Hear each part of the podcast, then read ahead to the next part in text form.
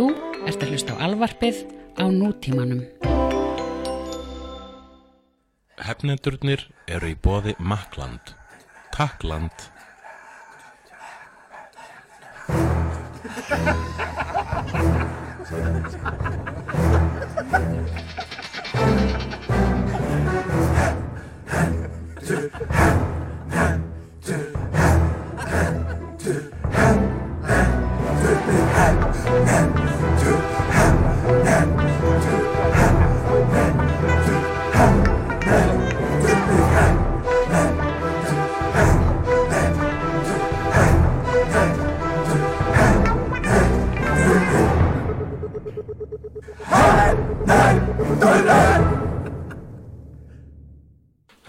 Herru, þú átt ammal í dag Takk um núna.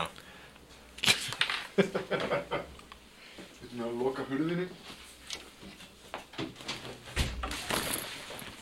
Það er býða með upptöku Nei, nei. Við vorum búin að ræða það. Að tala ekki í mikrofónum með fulla munnin og ég er með munnin fullan af kókoskúlu. Munnin fullan af kúlu Kókoskúlu lítur svolítið út eins og kúkur frá okkur sem er búin að borða mjög mikið hrísgrjónum á þess að tyggja þig. why did you have to ruin the Coca-Cola for me, Hulager? Kókaskúla The Coca-Cola. Hulager, why did you have to Ruin the Kókaskúla You ruined the Coca-Cola. Ég á ammali í dag. Herrum, Til það er með með í daginn sem að uh, þessi þáttur er tekin upp og er byrtur, hann verður byrtur ykkur tónu kvöld. Þetta er enn eitt skiptur sem við erum seinir með þáttin eða hversu seinir erum við? Þurfum við ekki bara að ná innan sólarhengsins Innan sólrings ég held að það sé alveg sko. háttegin á mánudegi Við viljum hafa þetta klukka nýja mánudagsmótna Nýjum, ma- það verður aldrei verið jú, mánudagsmóti það hefur, það hefur verið frekar reglu en klukka nýja Aha. mánudagsmótna Já, Really? já. Oh. Það hefur aldrei verið því að þú klippir þáttinn notabenni Nei, okkur ekki vegna þess að þú klippir þáttinn á mánudagsmótninum sjálfum. Ég held alltaf að þetta skildi þessi háttegin Nei, við skilum þessu alltaf. Æ, vegna þess að þegar fólk segir mánudagsmorgun þá er það, það, það hátegi fyrir mér. Já, ég veit, þetta er listamæður vegna þess að ég er næturrapp uh, eða náttkráka. Já, en hérna, hvernig er ég amali? ég, að, það er fínt að Ertu búin að fá eitthvað, fá eitthvað gjafir eða eitthvað svona árnar Nei, ég, gaf, ég hljóp út í búð áðan bara og leð, svona, tók mér stóra kr- krók leðinu hinga og kefti keðju hérna á höfrungin minn. Já, ég var alltaf með höfrung hérna í gullkeðju um hálsin og svo slitnaði keðjan og, og höfrungurinn er ekki búin að vera við hálsin í, í hérna þú nú nokkur ár, í svona 2-3 ár. Já, þannig að höfrungurinn er komin á ný. Höfrungurinn er komin upp ný Fe- var, þetta svona, var þetta svona Disney hlaupa út í búð dæmi? Sem að þú heilsaður öllum og hljópst um í söng. á, á leiðin út þá heilsaði ég postmanninum ég er ekki að tjóka var, og, voru, og voru, voru, bæði á Eminem og Katy Perry í, í iPhone-unum. Voru fugglar að hjálpa hann að bera út póstinn? nei, en postmaðurinn gerði daginn betri vegna þess að hann sagði, ég sagði góðan daginn. Mhm. og hann sagði, hefðu ég á eftir að þakka þér fyrir eina nákvæmustu líki, lýsingu á rí, ríkistjórn Íslands sem ég hef séð. Og ég bara, nú, Já. já, hver var það aftur? Þess að ég hef ge- gert nokkur sem grína ríkistjórn Íslands verandi reisastórt skotmark. Mm það er þá var hann að meina teikninguna þar sem að ég teiknaði svona kall með pípuhatt sem var að ríða svíni í rass og að kúka á sama tíma. Já. og svo segir hann Hæl Hitler Já, og fyrir neðanstændur ríkistjórn Íslands og hann sagði þetta honum og hans fjölskyldu þótti þetta verið að bara nákvæm lýsing og það hefði skemmt sér konangleifur þessu. Þannig að ég var, var enn léttar í spori í leiðinni í gull, átt á gullkeðjubúðinni. Já. Já, þau hafa sett skemmt sér. Þetta, þau hafa ekki litið á þetta sem einhverja heimild frekar en, en, en skemmt efni Nei, hvað áttu að líta á þetta sem heimild? Að þau hefur sittið þarna þetta er rétt og síðan byrja að byggja svona sjálfsmórsprengjur Nei, bara, þú veist, þess að við vorum að tala um í sem til David Cameron og svínadæmið og allt það. Já, já, já. Uh, Ég hugsa, ég meina þú veist það kemur það kemur ekkert óvart ef að þeir Akkur, hendur ekki Akkur hendur ekki hérna ennsku á þetta og kallar, þetta bara the government og setur þetta í Bretland? Já, ég geti prófað það. Já Þetta er núna allt í orðið, orðið svona extra current. Já, sé til með það. Mm. Run the wave. En segðu mig meira svona ammalis Hérna Heru, hver, e, Það er varðið að loka nú glugga vegna þess að það er miklar framkvæmdir hérna fyrir og, og, utan, utan, utan. Já, það er sem sagt það eru gröfur hérna fyrir utan að tjakk upp allt. They are uh, raping the earth. The machines are raping the earth. Já En hérna, við erum hefnundur Já, það er vist alveg rétt. Hérna, við, í þú sagðir rétt á hann hérna og ég var að segja hérna Það þykir mér já, hvað kvimleiðast í okkar fari? Hversu oft við segjum hérna? Ha, hver hvað? Ég, nú, núna er ég að missa algjörlega saminginu Hvað mennur þau? Þetta, ég, ég teki eftir þessu og ignora þetta. Þess að í upphafi þess að við byrjum að vera hefnendur þá vorum við mjög mikið að segja sko hérna Já. og síðan vorum við að miklar áhyggjur að því. Við höfðum orðaðið báðir hvað við vorum alltaf að segja sko og hérna. Og náttúrulega. Og náttúrulega. Hashtag náttúrulega. En svo ákvað ég bara að hætta að láta þetta fara í töðunar á mér. Ok. Vegna þess að þetta er ó, að við, getum ekki það þessu gert. Þetta er óstæðvandi þetta er uh, ykkur síkill í systemin okkar sem er ekki hægt að fjarlæga þessi, við erum orðin síkillin og hísillin og orðin óaðskiljanleir Já, er það ekki kannski bara vegna þess að við setjum ekki upp einhverja grímu útvarsmennsku heldur tölum Já, að reynskilna einlægni við erum straight. straight talk Já, við erum ekki sem fólk í útvarpi sem, er, sem segir aldrei sko hérna og Uh-huh. veistu hvernig þið gera það? Vegna þess að þeir, er, bara, þeir eiga allir sinni orku, ég segja ekki sko hérna Mhm. Í svona tvær mínútur sem þeir hafa svona í mestalæg til að tala myndi laga, svo kemur lag og þá eru þeir bara sko hérna, hérna, sko, sko, sko, sko, sko hérna, hérna, hérna, hérna, sko, sko, sko, sem í þrjára hálfa mínútu svo Uh-huh. lagi búið. Og uh, þið eru hlusta á sítiðis útvarpið? Þið eru að hlusta á Cityðisúntarpil Nei, með Mána Svavas Nei, þú ert að ruggla saman stöðum hérna. Já, ok, fyrir ég.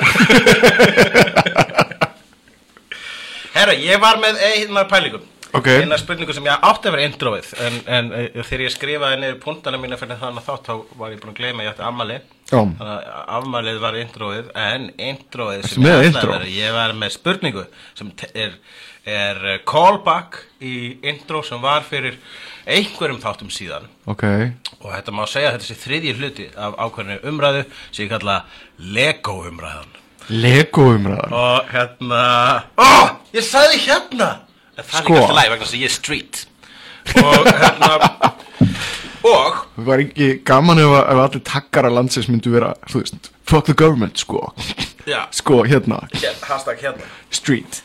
Uh, fyrir löngu þá hafði ég var ég eitthvað tuðum það og skildi ekki hversin voru til Lego tölvuleikir. Það verið algjörlega pointless. Þá fengum við síðan setna mér bref frá Jarlabó sem að útskýrði hvers vegna Lego tölvuleikir eru til og mér þóttu það bara góður rauk og let umræðina niður falla. Ok, En nú sá ég eiginlega bara svona öfuga útgáfu af Lego tölvuleikjum. Ok, sem basically tölvuleikja Lego. Ég sá í Nexus. Já. Minecraft, Le Minecraft Lego. Þú eru keift sko physical Lego kubba Já, sem eru byggðir á Minecraft tölvuleik þannig að þú getur smíðað Minecraft heim heima hjá þér með Lego kubbum? Með Lego kubbum. Er þeir, er þeir allir, er, sko, málið það nefnilega Minecraft, þetta eru svona, það eru allir kassalega kubbarnir. Eru allir kubbarnir þarna kassalega líka? Eru langi kubbar? Það er komið svona Lego stubbar á það eða eitthvað. Ok, Ég skil þetta ekki, Nú, þetta er insanity, menna come on. Þetta er gjössalega, þetta er, þetta er svo pointless að það er pointless mínus. Sko, mannst eftir ykkur tímum þegar þú veist að tala um að einn leikari má ekki leika tvær overhitjur Mér farið að líða pílítið þannig gagvart Lego. Þeir eru með Batman, Superman, Marvel og núna Doctor Who Já, ég ætla að fá ég, Og Minecraft? Dr. Who var ekki til undan amalinu mín það, ég, það, ég var alltaf hugsa Ég, ég ætla að fá mér alltaf eitt Lego Í þessu Lego flóði annars, annars þarf maður að fá sér allt mm. Og ég er búin að ákvæða þetta eina Lego á að vera uh, Partis Já, á að vera Dr. Who Legoið Já, ég ætla, ég ætla sjálfur að kaupa mér En ég reyndar held ég verið að splæsa í Avengers líka Ég held ég verið allavega Hulk. Lego Hulk Já. Þú verður að eiga Lego Iron Man. Já, já, já, þú geti jafnvel límt hann og, og sett hann á leiklakipu fyrir mig. Já, Mér langar svolítið til þess. En, ok, já. Þeir eru með, þeir eru með Harry Potter Þeir eru með, þeir eru með Lord of the Rings Þeir eru með Avengers, þeir eru með Batman Þeir eru með, eh, bara DC Já, þetta er eins og, hann, eins og hann Ómar eins og hann Ómar í Community sagði. Já. what, what happened to Lego? Er Ómar úr Vægir leik kennara í Community Já. sem hafi verið í fangelsi mm. lengi og kemur síðan aftur fangelsi og er kennari í Community háskólanum Greendale og hann spyr nefndu sína hvað kom fyrir Lego meðan ég var í fangelsi? Einu sem var Lego bara Lego. Núna er til Harry Potter Lego. Svo taldi hann upp svona svipað á þú. En ég hérna þú, sa- það, og þannig eru þú og Ómar í Wire eins Það var nú eitthvað áhugavert að það væri til hérna The Wire Lego. Ó, það var ekki eðveikt Myndir ekki kaupa það, bara svona project Vá. dæmi. Ok, núna eru konur á spennandi Já. slöðu Wire Lego. Já, bið- hvað- Bre- Breaking Bad Lego hlýtur að vera til. Byggðu þína eigin dópsölu með Lego. Já, það flott. Og hleraðu líka hvað dópistennir eru að segja. Já, ég myndi helst að vilja eiga Ómar og hugsalega hérna uh, Já, ég held að Ómar væri eftirsóttasti kallin í þeim Lego þeim, Lego geira, en hvað fleira væri flott Lego? uh, Ég myndi vilja reynda Community Lego. Community Lego? Rick and Morty Lego. Já, Það getur orðið, orðið verulega áhugavert. Ok uh, En förum samt aftur á original punktinu mínum hérna. Er þetta ekki algjörlega pointless að það sé til Minecraft Lego? Það er ekki Schindlers List Lego. Jæja, ok, ævar. Requiem for Dream Lego. Veistu það reyndar? Lego. Ég held reyndar, það var eitthvað listaverk ah, eitthvað. Salo, 120 Days of Sodom Lego. Það eru bara allsperir, allsperir kallar, Lego Já, kallar. með svona litla svona brúna Lego Já, og svona- sem að voru einu sinni ekki til en og svona lítil höll.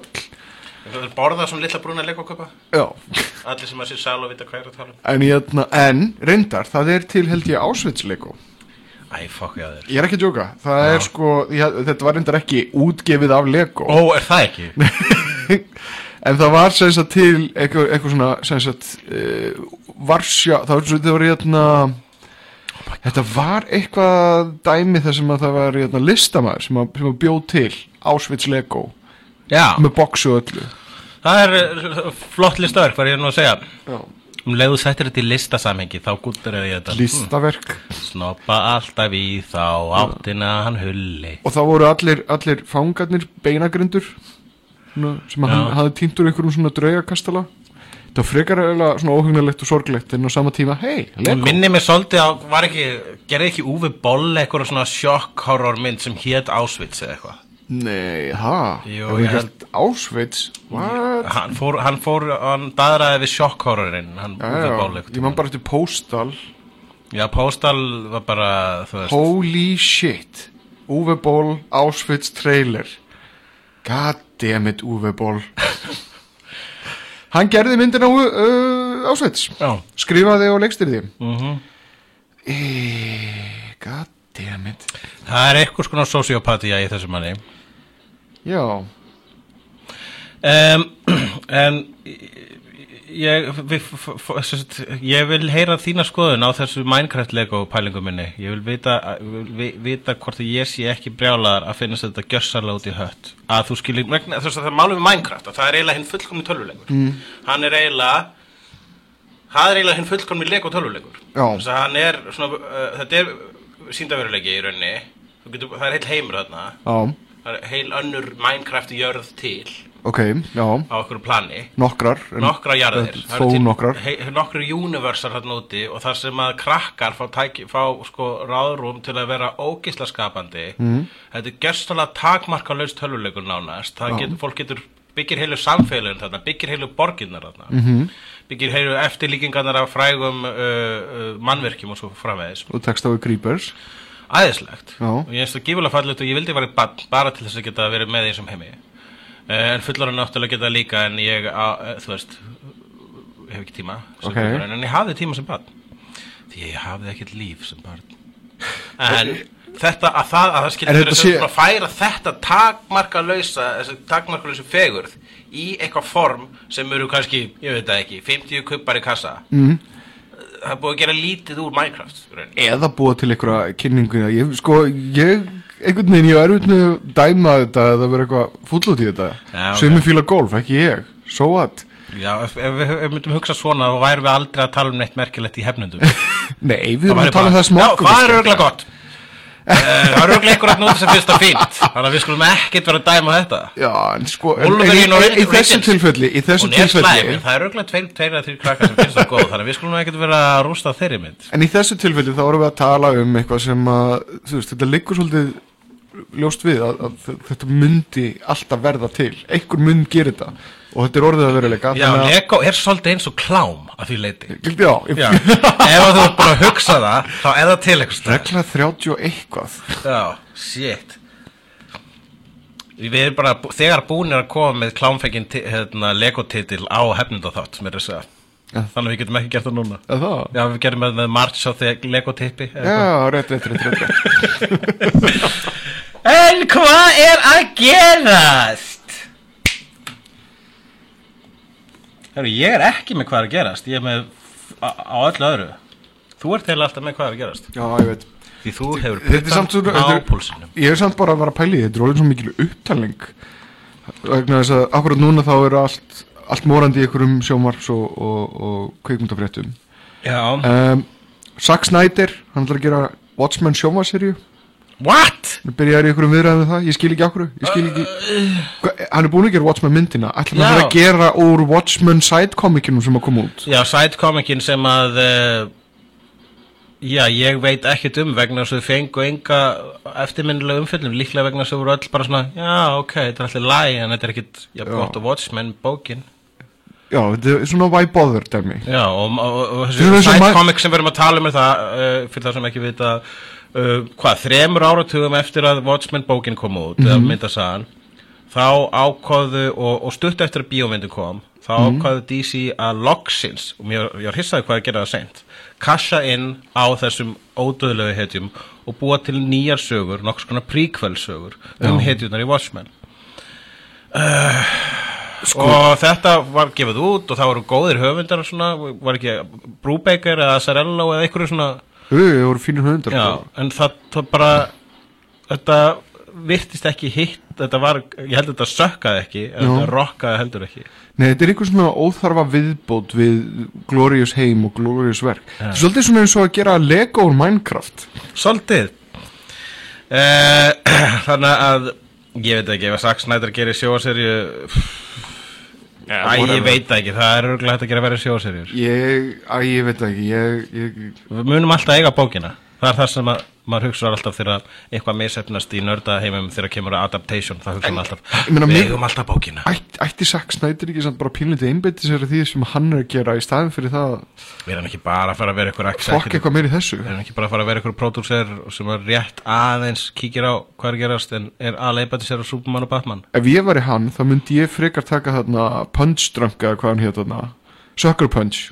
Já, og gera sjósnáttur á því Setið í mynd. vegna þess að hún, hún er stútfull af einhverju cool imagery og drasli og hug, hugmyndin af þessu þótt að ég geti ekki alveg nákvæmlega fest uh, bara hendur á það hvað, hvað er nákvæmlega að vera að segja með þessu. En ég held að það væri hægt fyrst að þú ert með þarna Robo Samurai með, með Gatling gun og, og, og, Og drega og, og, drega World War II og ef þú setur þetta í hendurinn á kompetent höfundi þá getur þetta orðið mjög áhugaður sjónvaserja hafa laust uh, Ég vil bara nota takja fyrir að segja hvað þú mátt gefa mér í amlaskjöf Mhm. uh, Hérna Sucker Punch Director's Cut á Blu-ray takk.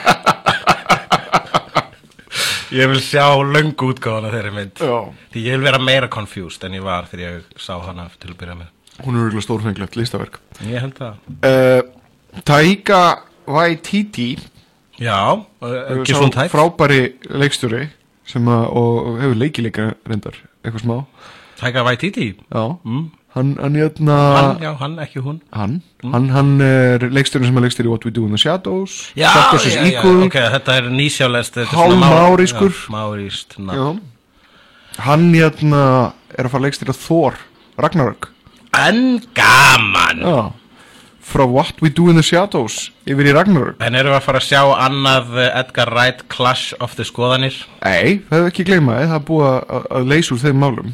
Já, vegna þess að vondikallin er farin af Marvel. Já, ekki vondi kallinn, bara gamli kallinn. Gamli kallin Já, uh, gamli uh, sem sagt sem að hattar konur og homa kallrembu kallinn Já. Já, Hvað, hvað, en hann fær ennþá að vera með puttan í sjóvarpinu eða ekki, varst Jú, ekki að segja með það? jú. en það er svolítið slæmt fyrir þessu sjóvarpið er svo gott hjá Marvel. Já, fyrir utan Shield sem er bara allir læg já. Við, við veitum ekki, ég meina, þú veist, Jessica Jones er bara mjög spennandi að sjá. Ég held ég sem er að merkja í dagatalinu mínu hvenær Jessica Jones kemur. Mhm. og það er í næsta mánuði 20. november þá fáum loksins að sjá hana Jessica Jones. Já, Veistu hvenær næsta Peggy Carter kemur, eða Agent Carter? Nei, ég veit það ekki. En það er búið að samþykja aðra þáttur, eða ekki? Jú, hún er, hún er tökum allt saman, ég held að, ég held að hún sé á leiðinni bara. Æðislega En hérna Ég var að lesa svolítið svona hræðilega fréttir. Já. ég ætla, ég, ég, Þetta eru Daily Mirror Þannig ég ætla að vera svolítið heikandi með það að, að, að, að þetta sé eitthvað rétt Þeir eru voðalega leiðilegir gagvart Þeir BBC og svona, já, þeir eru svona devaf þarna Breitlands Já. Eða- eða- eða- Devaf eins og það er núna. Eða, eða morgunblæði Já, Breitlands Eða, eða ég vil fréttablæði Breitlands Eða Þeir eru dagblað sem eru Já. kannski svolítið yknari en þeir þurfa að vera. Um, Og þú veist, lera síma fórnalamba morða og svona.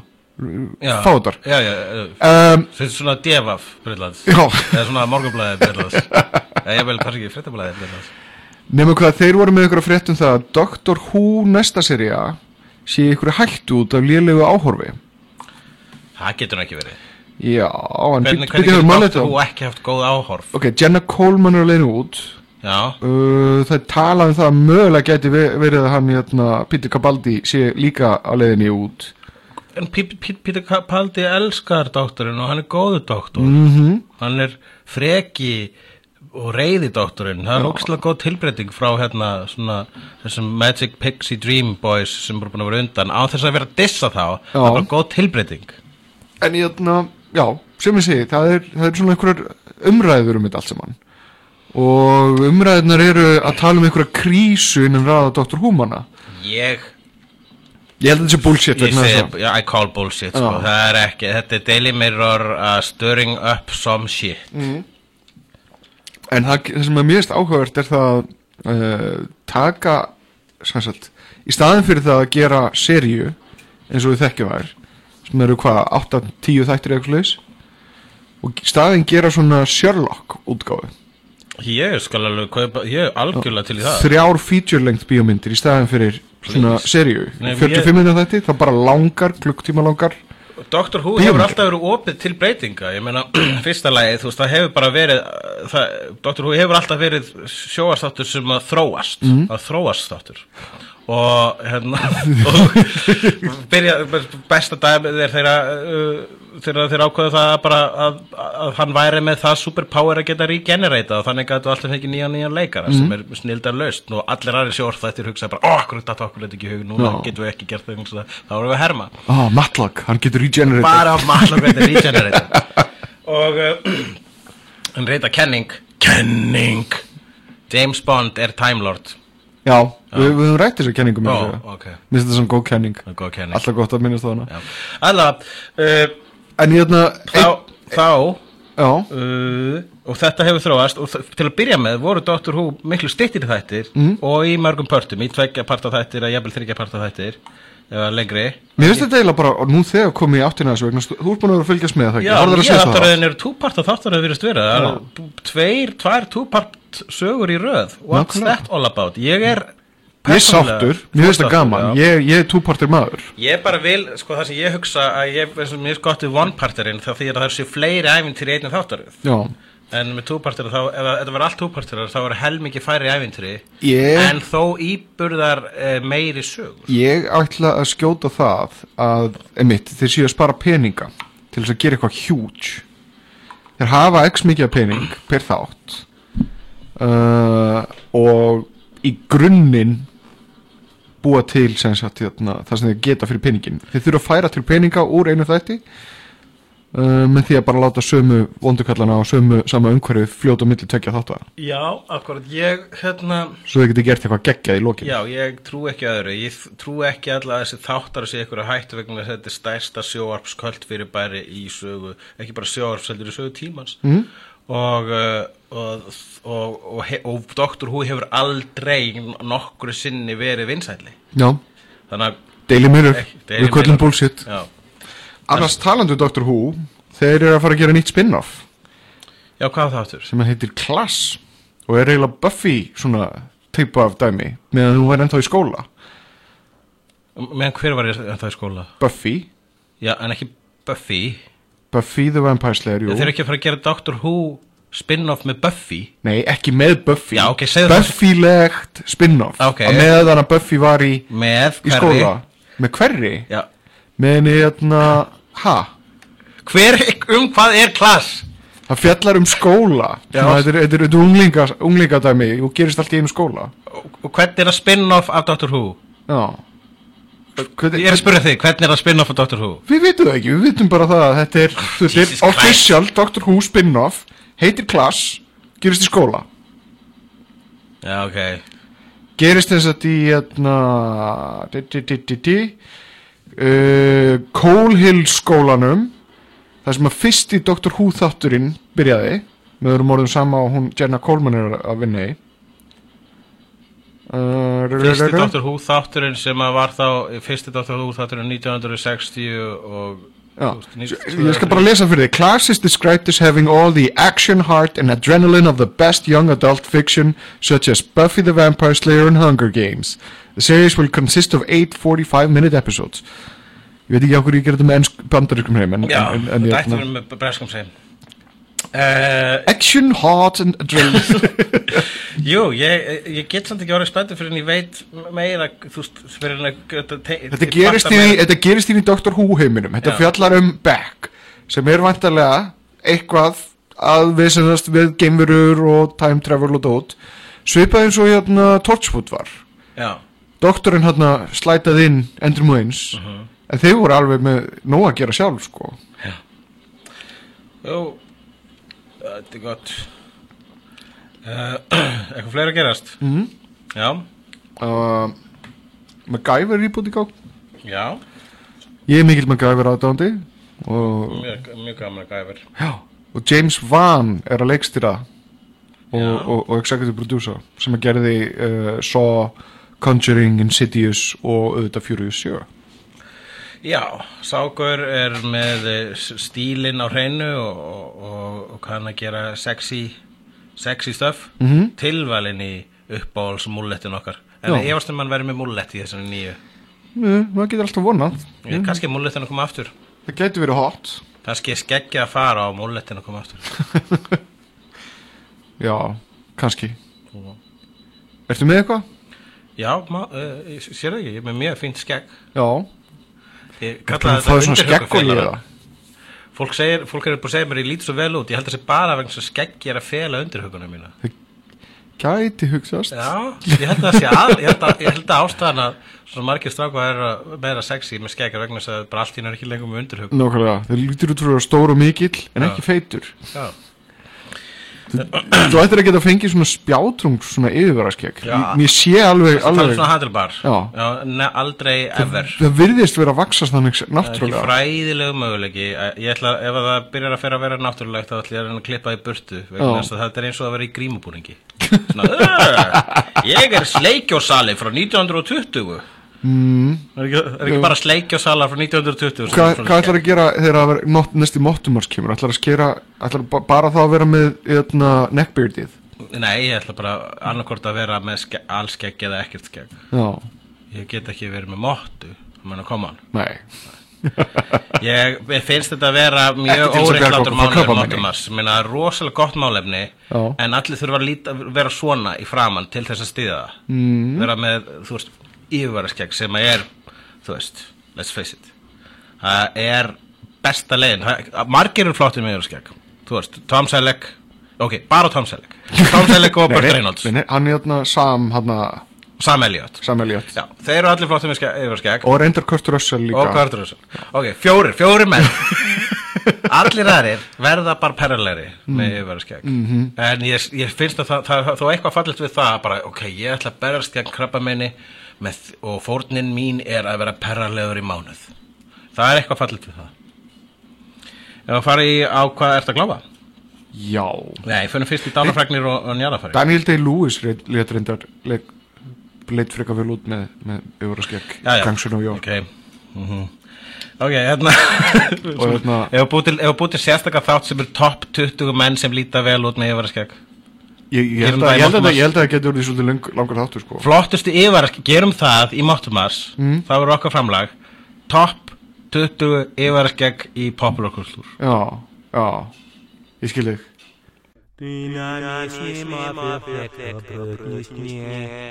Dánarfregnir og njarðarfarir. Hún heitir Catherine E. Coulson Konan sem lést Fyrir ekki svo löngu síðan Eiginlega bara núna í síðustu viku held ég Og er þekkt fyrir að hafa leikið The Log Lady. Já, átt þessa klassísku línu uh, eldurinn er púkin sem felur sig sem skræfa í reiknum. Herri, já, síðan dó Henning Mankel líka sem að gera valandur, hann var að degi í dag. Já, Á hvað ertu að glápa? kæri herra uh, Ævar hvað á, á hvað ertu að glaba? Ég var að kíkja á hérna, Rick and Morty. Já, það er eitt sem mér langar til að segja Rikka Morty. Ok. Það er ekki bara bestu teiknumyndunar í sjálf í dag og eru búin að toppa South Park sem mér finnst reyndar ef ég segja eins og er búin að pínu verra en það var uh, Það er endur að gangi gegn með eitthvað þroskakip núna. Ég, sko, Það er eitthvað breyting í gangi. Það er þessi breyting, þetta var í síðustu þátturöð og er núna í þessari þátturöð þessi, þessi, þetta dæmið þeirra með það að láta allar þættina tengjast og Já. láta allar einhvers konar innri sögu verið gegnum allar þátturöðra mm? Ekki rífuna því mér, mér finnst engin ástæð til þess. Það skil gerir þig. þættin ekki betri. Það gerir það bara meira hvern þátt meira ósjálfstæða Sko, mér finnst alveg koma Moments of Brilliance Já, það er ekki nóg mikið moments of brilliance þau eru er ekki meiri moments of brilliance heldur að voru þegar að voru, hver þáttur alveg sjálfstæður. Það geti líka verið bara komin svona almenn South Park þreita Mér finnst þér ekki hafa dalað jafn mikið og Simpsons gerði ábyggislega ekki. þegar Simpsons þreitan kom. Nei, nei, minn og þessi þættir sem eru búin að koma núna þeir hafa allir eitthvað að segja. Með þessi nýjasti reyndar uh, sagði ekkert við mig. Veistu að meina hérna nöðgið þátturinn ég var byrju, Nei, nei, það var hérna gentrification þátturinn. Já, gentrification þátturinn. Uh, já, ég fatt að það en mér fannst það ekkert vera jafn mikið kjaftsök og, og, og þættir hafa Já, þú, þú, sko. nýbúin að sjá þátt á undan sem að það er bara farið alla leið með mjög, mjög óþægilegum hætti. Já, já, já, en það er ekkit ástæðan. Ég meina það er þetta nöðgunardjók er ekki bara the ultimate edgy joke. Nei, nei, nei, þetta var bara mjög, mjög brútali gert Já, en hvað um það? Við, ég vona að þetta, ég meina þessi þáttur er, ég horfi ennþá á South Park og hlæja ennþá upp á því og hef ekki þannig síð út af að setja, ég er bara að segja, uh, var einu svona aðeins betra. En ég hlakka til að sjá nýjasta Rick and Morty þátt Rick and Morty er ekki bara bestu teiknumyndir dagsins í dag í sjóarpi, heldur líka be, eiginlega besta sci-fi. Já, þetta er sjúklega gott sci-fi Já, það er bara... og svona hugmyndafræðilega er þetta briljant Þetta er svona hugmyndafræðilega briljant á sama hátt og Doctor Who. Mhm. Það eru risastóra hugmyndir þarna. -hmm.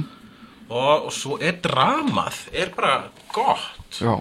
Að snemma hvort það var í fyrsta öðrum þætti þarna, ég held að það var í öðrum þætti, þessar þáttur, sem að kemur eitthvað svona moment þar sem við fylgjumst með honum uh, Morty, hvor er allt, hvor er þetta hvað? Morty er hérna litlistrákurinn Okay, Rick, er, Rick. Rick. Sanchez heitir hann. Rick Sanchez. Uh, hérna I'm bad with names. Og ha- þegar hann er eitthvað svona næ, næstu búin að drepa sig mm.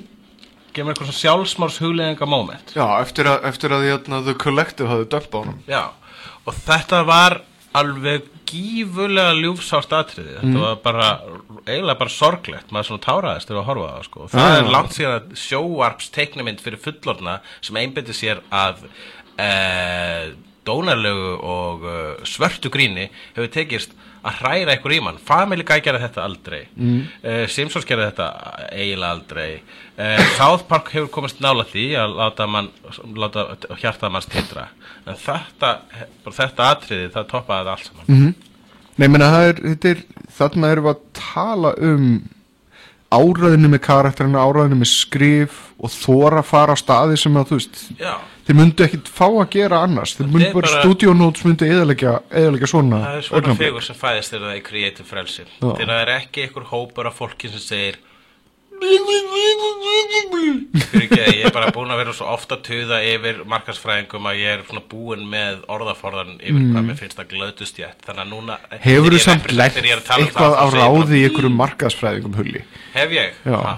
Hefur þú lent eitthvað á ráði í einhverjum markaðsfræðingum? Já, ég, markarsfræðingar er orðið sem nota yfir uh, bæ, þú veist, er Fólk með skoðanir á og hérna sem á að láta það fá peninga. Já, fólk sem að segir, sem að ræður mig til þess að skapa og síðan hérna, segja mér hvernig ég á að hugsa. Já, og það er markaðsfræði í nótskurð vegna Ok. þess að þeir eru að segja nei, við getum selt þetta betur ef að þetta er svona. Nema bara það er ekki rétt og þú ert alveg sammálaði. Já, já, ég meina þessar hugmyndir sem að fólk kemur oft með að borðinu eru oftast hei, tökum það sem er sérstakt og cool við þetta Já. út og skiljum eftir flatneski um en hins vegar sko þá, þá eru uh, marg, oft þetta sama fólk sem gerist það gerðnan Mhm. eða stundum, once in a blue moon að þau komum góða hugmynd. Á því bámenti þá hætta þau að vera markarsfræðingar og eru bara, að, þarna varstu skapandi. Já, en um, hérna uh, hvað ég vildi já, ég hef lent í þeim að því leiti að uh, til dæmis ég hef eitthvað tímann slýsast við að vinna fyrir auðlýsingarstofu, skrifa eitthvað auðlýsingar fyrir eitthvað, ákveð, eitthvað ákveðna vöru og fólk kallar mig á fund í eitthvað svona gífulega tilgerðilegt hérna, fundarherbyggi sem er með svona einhverjum einhverjum, þú veist, designer leikfengum og eitthvað svona. svona glerveggir. Já, og, sjá hvað við erum skapandi vegna þess að við erum með flott húsgögn. Já, og, og flippa setningar á eitthvað svona ég þetta ágreiflega skapa eitthvað svona og eitthvað það er mjög erfitt að vera ekki super cynical í garð þessara Mhm. stjættar síðan svona ítaður Meni, ég eitthvað veit að það er gott takka. fólk þetta og sérstaklega þeir sem eru að hlusta ha, en síðan ítaður eitthvað takka og síðan kemur svona skjár svona já. nýr úr loftinu svona hægt og og bítandi maður hugsaður, ég vil vinna fyrir ykkur vegna þess að þið eru með flott sjóar. Shiny, shiny og hérna þá og þá, ef, ég gerir þetta, ég hef oft sagt þessa sögu í einu eða öðru formi, þá er, er sagt við mann, herru, við vildum fá þig vegna þess að þú ert með svona höfundur, við viljum fá þetta dæmi inn í okkar dæmi og bara ókslega gaman ef þú bara, bara fara að gera það svo vilt. Og bara segja, ok, hérna kemur, kemur það sem ég vil, þá segir, uh, nei, við erum ekki alveg að spá í þessu. Og maður er svo, hvers vegna ertu að ráða mig í þetta? Þú getur ekki beisla þannig að fóla segi ég síðan og skelli hurðina eftir mér og hún brotnar verandi úr gleri er ég þramma út á auðlýsingarstofinni nákvæmlega þetta hefur gert svona nokkru sinnum. Já, já Já, já ég, ég kannast nú við sögum svona auðlýsingagæja og þeir eru bara frekar fínt fólk. Einlegir í því sem þeir eru að gera sko. Jú, jú, þetta er rosa fínt fólk og þeir eru sérstaklega þeir eru að ráða mig í vinnu og gefa mér pening sérstaklega inn og svona hérna, þegar maður er svona uppistand í ásáttíðum eða eitthvað. Mm. Og hérna og ég elskaði öll og allt sem ég sagði er platt samt ekki. En þetta er samt sko, þetta er brútal starfsamt að vera eitthvað kreatífur og komið fullt af hugmyndu sem eru skotna niður og deyja og verða engu en öðru en dufti. Grínistar hafa gjarnan gert grín af þessu. Uh, Bill Hicks djókið um auðlýsingabransara er sérstaklega meinfísið og skemmtilegt. Já, og, uh, og, og svo á saman tíma þekki maður fólk úr auðlýsingabransanum og maður veit að það er gott fólk og hugsa bara svona það er svo gaman að gera grín af þessu ég held samt, ég held samt Það er svo æðislegt að gera, þeir, eru svo auðvelt, þið og stjórnmálumenn eru eitt af hérna, augljósustu skotmörkum í heim. Já, En síðan er maður bara svona þekkir maður bæði stjórnmálumenn og auðlýsingar fólk og maður hugsa, æ, þið eigið þetta ekki alveg skil. Nei, við það, í þessu samingi í þessu samingi reyndar þá held ég. Ég held reyndar að það sé verið að kenna stundum vittlisum aðalum um Mm. vegna þess að segja sér svo að við séum með fullt af auðlýsingafólki sem er að vinna eitthvað virkilega snildar auðlýsingu frábara áraðina, koma góðar hugmyndir sem fyrir því hendurnar á kúnanum manneskinu sem borgar sem hefur ekkert vision, sem hefur engan skilning á því hvað er verið að reyna að ná Kunnanum eða kunni, eins og auðlýsingur kalla það. og síðan kemur kunnun og segir já, getum við ekki haft þetta meira eins og svona eða bara ekki skemmtilegt Sama líka með stjórnmálamenn þeir, Já. þeir þurfa að haga sér og breyta sér eftir þörfum Já. Eitthvað- eftir því sem við sem kjósum það sem við viljum sjá meiri hlutin á okkur Já. það er það sem að stjórnar því hvernig þeir hæða Ég sér veit að þetta er vélinn, það er vélinn sem er að buga, sko, það fer skapandi fólk í stjórnmál, það er fer skapandi fólk einu á auðlýsingarstofu, Mm. en svo kemur vélinn og segir, Ekki vera þú, vertu við, resistance is futile. Ég er ekki alveg full ástæða til þess að kenna öðru fólki um bara heildarmyndinu um hvernig þessi Jú, við getum það. Greið, greið stjórnmálamenn greið uh, vinsælir þeir sem, hafa, helst sko valdið til þess að breyta þessu eru einstaklingarnir sem fara á gæðin mm.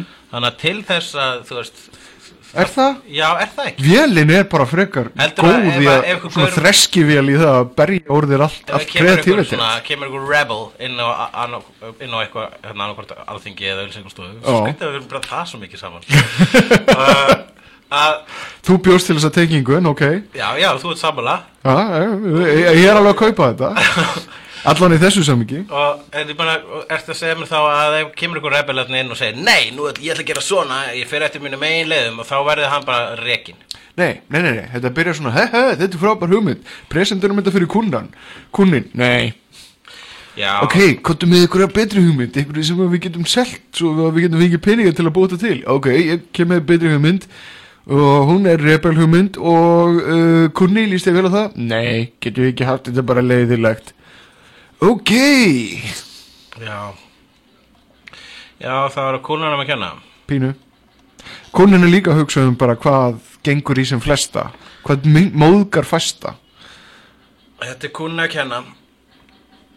Uh, hvað, á að segja hvað ég var að glápa á. Já, Ég var að glápa þegar ég kom heim af hóteli mitt núna, ég var í Finnlandi um helgina Af, og þú, ert, þú ert alltaf í útlöndum annars. Já, Finnland samt, þú veist þetta er orðið eins og kópavóður fyrir mig ég fari á Axel oftar til Finnlands en Já, ég held Kópavogs. að nefnilega. Þú, það er ekkert merkilegt að fara til Finnlands. Það, ég elska Finnland en ég menna þú veist ég, þetta var annars skipti í ár sem ég fór angað ég fór angað fjóru sinnum á síðasta ári. Ég er alltaf í fokkin Finnlandi ég með þess að gæti verið ég hafi fara oftar en tvisar til Finnlands í ár. Ég man það ekki vegna að ég fyrir svo oft til Finnlands. Já, Ég fór hins vegar til Finnlands í Turku á grínháttíð og, og hérna, sem að tók svo sannlega á vegna þess að það að hanga með finnskum grínustum því e, getur, e, hef, er, er eins og mörg hundruð kjaftsök í, e, í e, lifrina. mm, En e, ég e, fór af djáminu eitt kvöldið og kefti mér pítsu á leiðinni og fór upp á hótelherbyggi og uh, kveikti á uh, hótelsjórpunum og náði endanum á ED4 eða Independence Day. Já.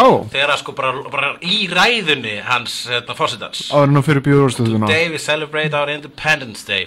Og, og, og, og, þetta var svona skemmtilegasta hlutin er hérna þótturnar og, og gefururnar að berjast. Var Will Smith búinn að hérna, kýla gemuruna? Já, hann- hann kýli gefururna Mjög snemma snemma. í myndinni. Já, já, já. eftir hérna dogfightið Það var alltaf uppáhaldsatriðið mitt.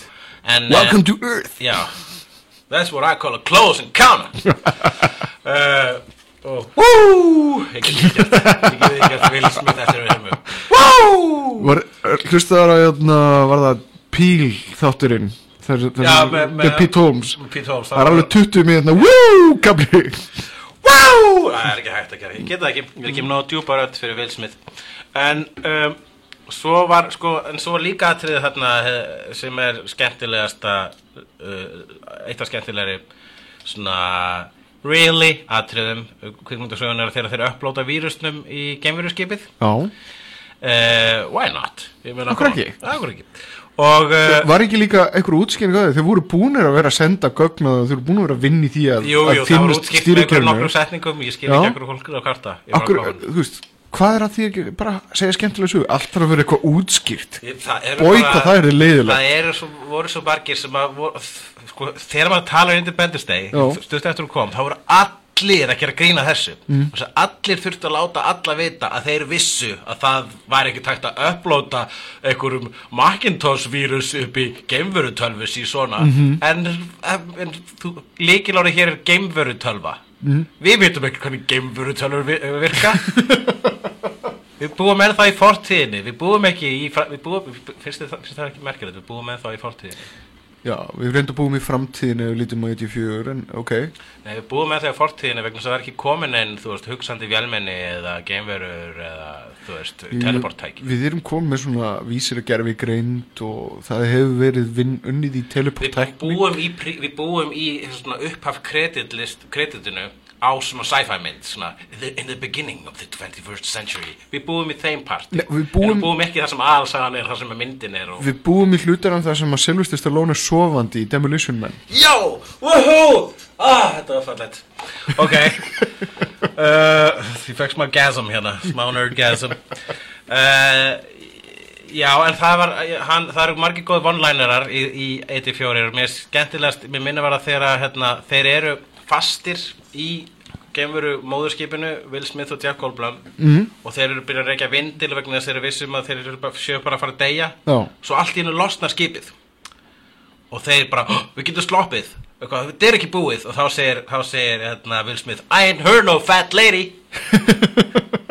Mér fannst það dásalett Já Hressandi mynd, það langt síðan síðan Já, og svo, stopp, svo klárast hún þannig ég held áfram að flikka og sá byrjunina á, þannig ég endin, endin Independence Day, eh, endin á ID4 en Já. byrjunina á EQ eða IQ með, Ok. okay. með uh, Meg Ryan og uh, Tim Robbins og uh, Walter Matthau Hvað mynd er það? það er þarna sem Walter Matthau leikur Einstein Eeeeh, súmynd Ég held að ég hafi bara deletað henni úr, úr, úr minninu. I'm steering the boat. Ég elska það mynd. Ok, Mér finnst að það, hún hefur alltaf verið svona, sko hún er ekki gallaleg, hún gæti nefnilega verið finnari, hún er svona net pretentious. já.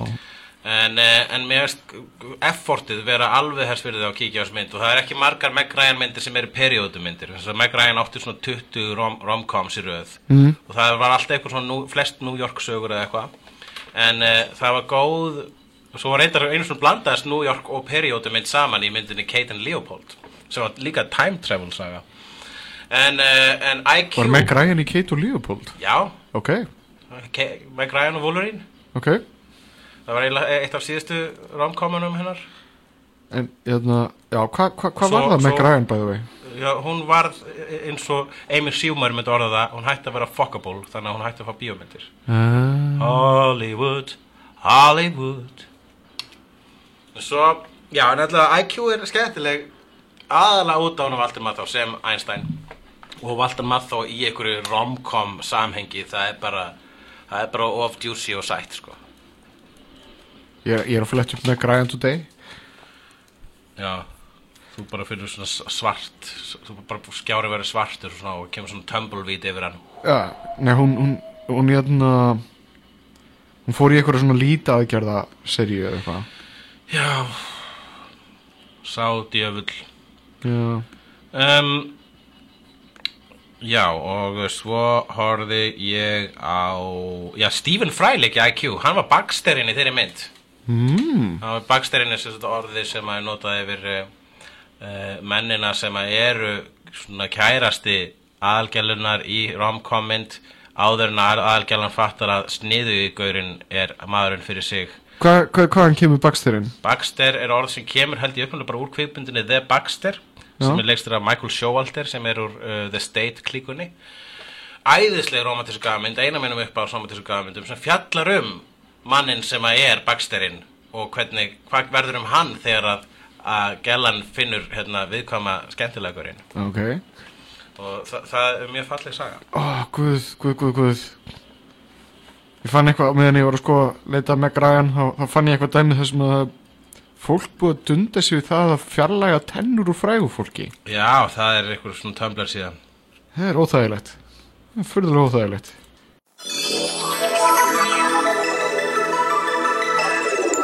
Auglýsingar.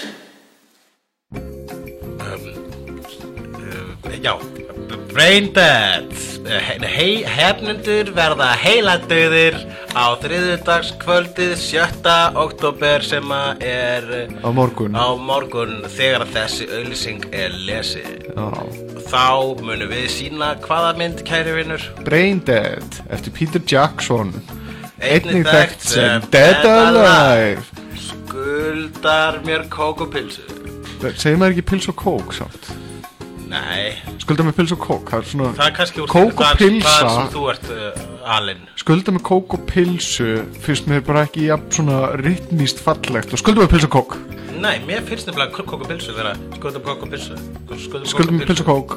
Skuldum kók og pilsu. Skulda með pils og kók. Uh, Ég var til að setja pilsuna minni í kókið þitt. Ekki gera það. Ég var til að setja pilsuna minni í kókið þitt. Kannski þú verður með lakrísrör Allavega breyta þetta annað kvöld klukkan átta í húra Og þroska stríðið sem er uppi í stað Hugleik Stakkssonar klukkutími á góðu fjöri stundum lengra vegna þess að salurinn er góður og kallar fram að fleiri brandara úr grínistanum á sviðinu síðasta sýning á 50. kvöldið 8. oktober klukka nýju á skemmtistanum Rosenberg Þúsugallinn Andri Ívars sá knái uh, grín söngvari ég var næstu búin að segja síngröngvari? Svíngröngvari svínagöndul uh, mun hita upp. Uh, og það er gaman. Ok, elsingabúnar Nei, nei. Ó, meira. Makland Makland, já. Makland, Já. það er góð búð. Og bráðum er að koma iPhone 9 ok. Já. Já. og um, þá er komið að málum dagsins. Málefni dagsins. Hipsterakökun ég held að við þurfum að hafa hipsterakökuna opnað fyrir næsta umræðefni Ok. Mikið af amerískum quarters í hipsterakrukkunni eftir hann að dröpp eftir hennar dröpp hún droppaði nokkrum hipstera hvað, hún var að droppaði nokkrum hips, hipsum höpsum. Við kallum það hipsum höps þegar einhver segir eitthvað hipsteralegt.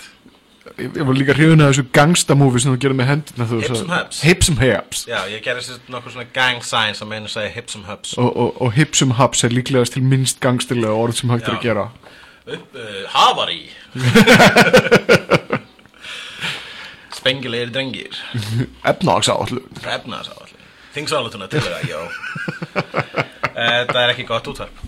Nú Það var uh, Já, mér var bara þetta málefni dagsins í hug rétt í þessu. Já. Og það er það að Við skulum sjá hvort þetta sé fyrirsögn staðar hver, Hvað er svona mest uh, fyrirsagnalegasta Blaðið? Var þetta ekki í fréttablaðinu eða eitthvað svona? Já. Það gæt, mér finnst, mér finnst eins og þetta gæti verið eitthvað svona Jakob Bjarnar frétt. Já, hann myndi líklega hérna, kræki í þess að frétt en það hérna, hlakkar allt í ánum þegar að uh, lista uh, fólk er eitthvað þegar, það- þegar það er á okkurum uh, uh, grítum eitthvað bla æ, ég veit ekki, ég kann ekki segja hluti Herru, ég með þetta Ok, Magnús Skeving segir menningar eilutuna sniðganga sig. Og hver, hver skrifa fréttina? uh, Jakob Bjarnar. Auðvitað, yes. Hvers vegna? Langa á honum einu svona vera listamæður þetta var eitthvað sem hann skaut inn í, í viðtali við morgun út af Brassar 2 bara í morgun Já, já, Magnús sem er höfundur Latabæjar og potturinn og pannan í gerð samnefndra sjóanstáta var tilnöldu til bandarísku emmiverlunin í gær og var í viðtali við morgun út af Brásal 2 nú í morgun. Þar lét hann þessi orð falla að Latabæjar hafi aldrei notið sannmælis á Íslandi og menningarilitan hafi alltaf litið niður á hann sjóastættuna og leikritin. Mm. Til mark sem þetta bendi Magnús á og getur nú, trú, getur nú trútt um talað að Latabæja þáttaröðin hafi notið mikið af virðingar erlendis og verið tilnefnd til ímissaverluna svo sem Emmy og BAFTA. En hér heima hafa hún ekki komið til álita ekki fengið svo mikið sem eina eddu. Ég held að hann hafi samt alveg verið tilnæmt Ég veit Já, allan að ég hef. Ég hef allan að uh, veitt uh, Latabæ mitt atkvæði eitthvað tíma nýjadu Já, akkurat en það litur ekki þættir sérstaklega og örgulega rosa gaman að horfa á það ef maður er á annarkvort sveppum eða ecstasy ef maður er að koma niður á ecstasy. Mér finnst þetta bara rosalega fagmannlega vel gert. Já.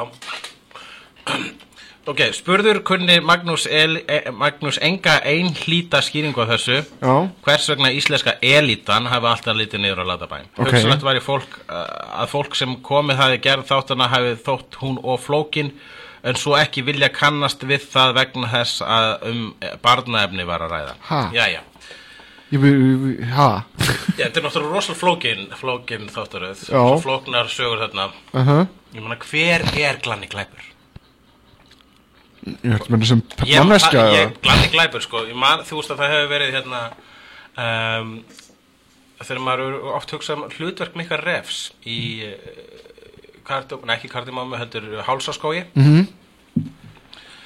vegna þess að hvað hvílíkt einelti sem hann verður og hann er svona skilirtur til að snúa baki gegn sínu náttúrulega eðli að má, má eiginlega ekki einu svona vera kjötæta. Hann er reyndar að, að reyna að drepa og geta hina meðlimi Já, það er vegna þess að Guð skapa hann þannig.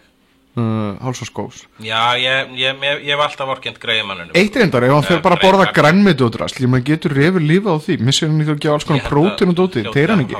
Já, ég held að hann hljóta að veslast upp og deyja. Þannig að- þannig að hann er samiðlega niðurst að hálsaskós er að myrða mikka Já, til, til þess að bjarga hinnum leiðilegt að vera leiðilegur en reyndar að minni mig að, hérna, að í leikrutinu þá hafi allir það verið hann að borða sko, fyrirfram slátrakjöt sko, eitthvað læri eitthvað, þú veist, þannig að ef það eru búfínaður þá, svona slátraður búfínaður þá er allt í lagi. Þannig að rauninni eru dýrinni hálsaskói algjörur hræsnarar Já, en mér hefur alltaf þótt glanni glæpur vera svolítið hérna, mikið refur latabæja hvað er plottið hjá hann um græna glæpanars? hann bara þólir ekki hvað uh, uh, þólir, hún, finnst sko íþróttuálfurinn vera sko eitthvað svona fasisti. Ok. Sem að flýgur hérna um á loftskipi fyrir ofan hérna, eins og einhver svona stóri bróðir fyrir ofan Latabæ Ok, og síðan hérna getur hann, fyrir hann á fætur uh, gerir það alltaf í svona nokkrum svona heljarstökkum Já. og kemur síðan niður og er bara svona að bara, já krakkar, komum í leikfimi en í þykistunni er það bara leikur og slag gaman og fáum okkur græmiti en í þykistunni er það nammi og eitthvað svona og það plata allar til, til þess að plata allar krakkar til að halda leikfimi og, og hollur matur séu slag æðisleg ok, já. Og síðan verður þess að kem, kemur eitthvað svona latabæjar peningar sem að þú veist, hann kemur minnst sinni einn gjalderi inn, sko Ok. það er eitthvað skrítin pólitík þannig En en- en- enn og aftur, hvað er planið hjá hann græna glæp? Er hann að reyna að reyna peningum eða er hann, hann er að skapa sinni eigin efnahag er þetta bara, er þetta bara einhver mótrói gegn íþróttalunum? Vegna þess að mér finnst þess að þetta Nei, snúi mér, já, mér finnst glanni glæpur plön glanna glæps vanalega snúast gegn íbúum latabæs frekar en íþróttalunum sjálfum Já, ég, þetta er enn, hvað, hvað, hvað er hann aftur alltaf að gera? Hann er að að stela einhverju eða hvað, hvað nákvæmlega er Ég veit það ekki, ég er að að gerði? Ég- Nei, ég, ég er nefnilega að reyna áttum á því hvað hva, hva, hva business plan er þitt atkvæði í eddunni Já, já, ég, ég, veit það, en ég get ekki fyrir mitt litla líf endur tekið plottið í einu meinasta þætti Já, um, ég, svo, mér finn, líður eins Þetta er svona punch, sucker punch. Já, þetta er svolítið eins og Sucker Punch. Þetta er svona fever dream Já. sko. Mér finnst þetta að vera svolítið um, e, svona Já, þetta er svolítið svona eins og þessi búið að sprauta börn með Red Bull.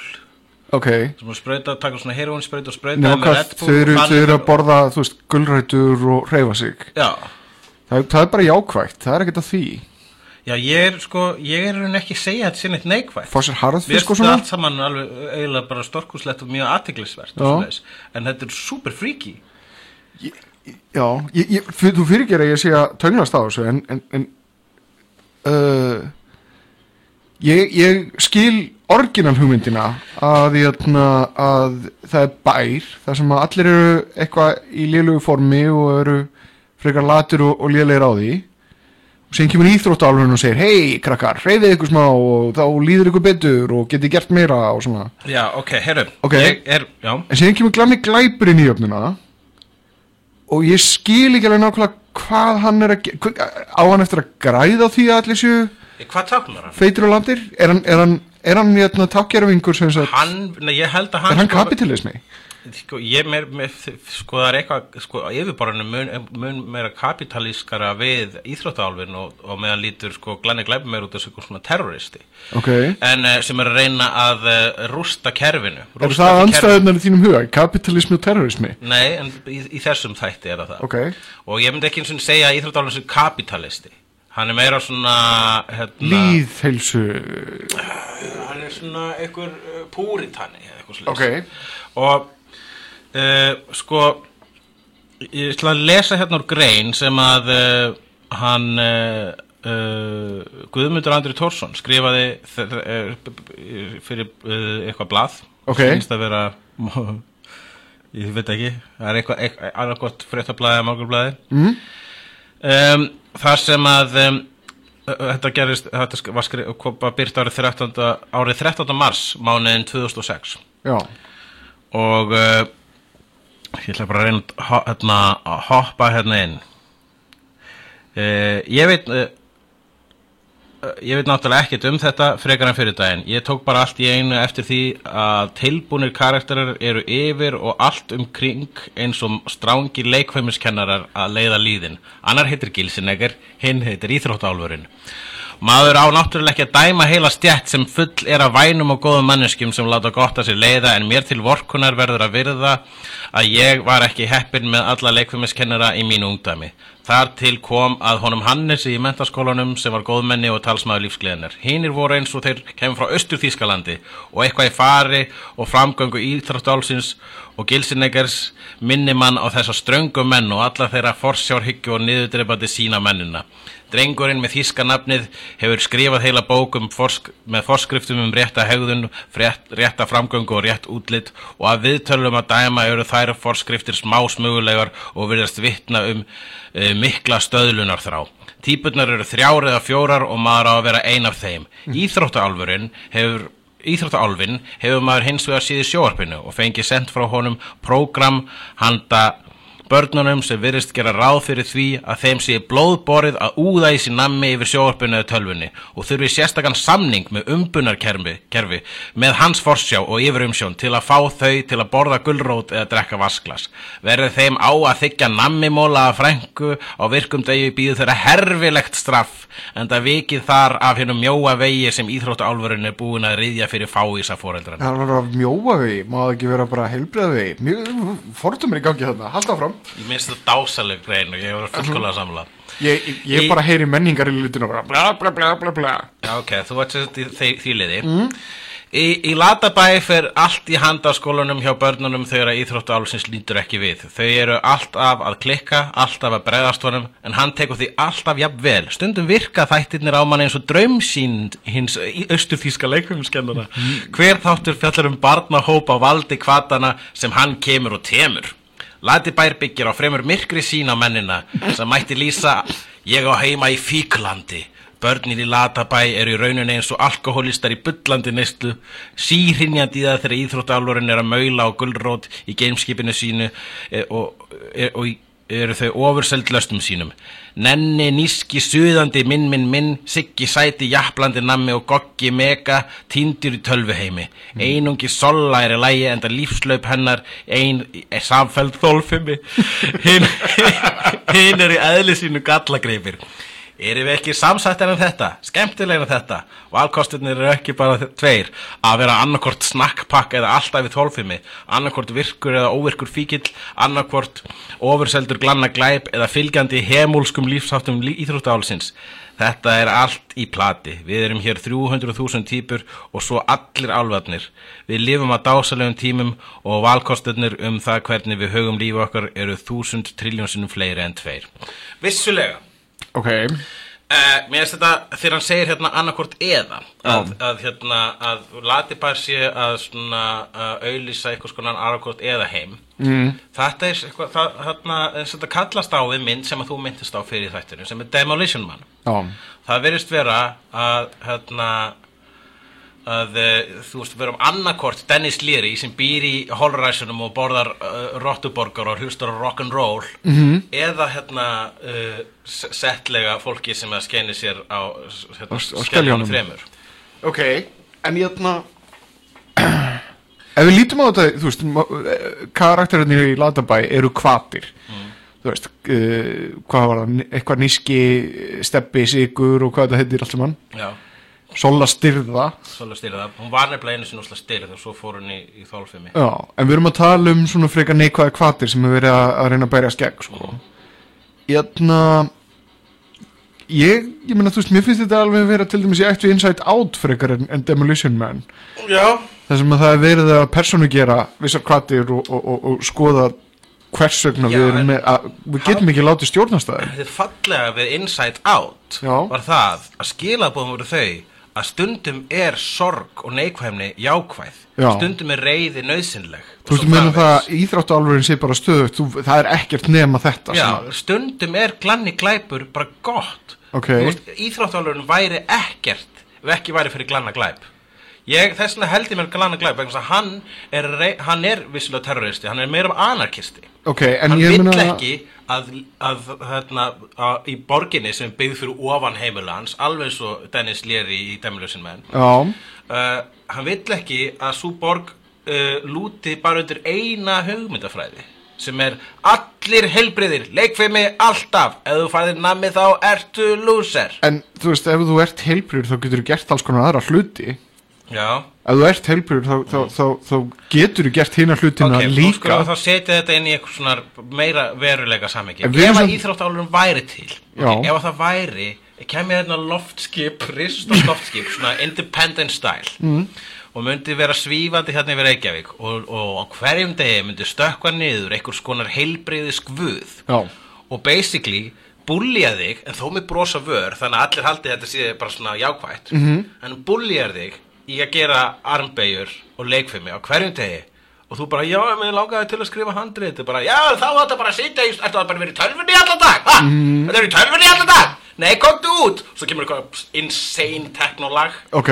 Þar sem að bara allir eru bara eins og á bara einhverjum svona uh, einhverjum miðdeis e-töflu flippi. Já, myndir þið finnast það að hafa bara áslega já þetta er bara jákvætt Æ, maður verður betri ef maður er heilbröður ef maður, ef maður þetta ekki þú veist, ég reyna að fara í ræktina líka sko já, já, og hreyfa mig. Mm, vegna þess að það lætur mig líða betur. Já, og hjálpa mér að gera aðra hluti betur já, hvað er að þessu? það er að þessu, það er ekkert að er reyndar, þetta er reyndar eins og þú ert að lýsa þessu þú ert að svolítið douchebag move hjá er bara rosalega, þú ég mér finnst bara En er hann ekki ég meira mjög svona að reyna stoltur að af því hvetja Matti fólk? Bær kom upp frá Íslandi og ég eh, ef að menningar eilitan en að Já. kæðslepa þar að segja að hún er til Mhm. er að ignora uh, Latabæ þá er það ekki gott og Latabæ er það ekki skilið Háðar, það er ógislega gaman að dissa og gera grína Latabæ Ok. vegna þess En að er það þetta ekki, sko er ekki einhvers bara út af því að menningar er bunch of fytubólum sem það vil ekki gera neitt? Menningar er ekki til, ævar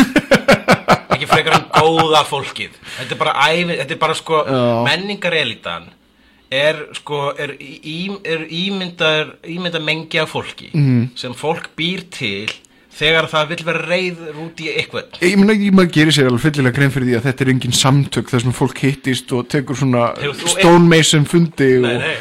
En, en á sama tíma það er til eitthvað bara mengi af fólki sem að fe fellur undir þessu skilgreiningu sem að hefur ekki áhuga á þessu efni vegna þess að það talar ekki við það Já, en er það elita? Ég veit það ekki, ég meina það er tekið mark á því sem þetta fólk hefur að segja. Mér finnst það merkilega við erum þegar, þegar fólk notar orðalega eins og góða fólki mm.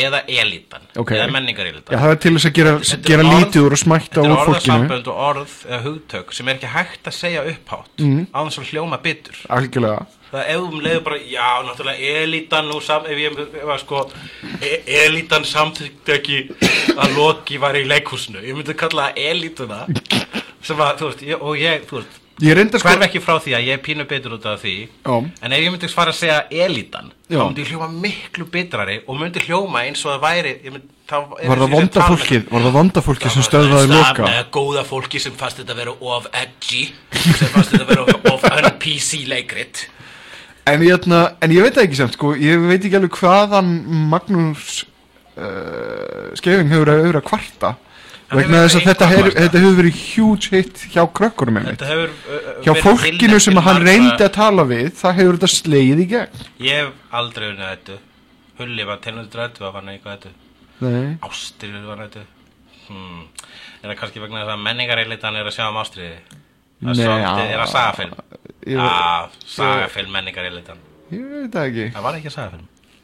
Sagafilm framtíð að stríðu Jó, já, náttúrulega bara samsæri eða þá kvikmynda í litan uh, hefur ekki litið nóg nó, nó vel á þetta át af því að þetta er þú veist þetta er mynd, móti teiknimynda eitthvað dæmi og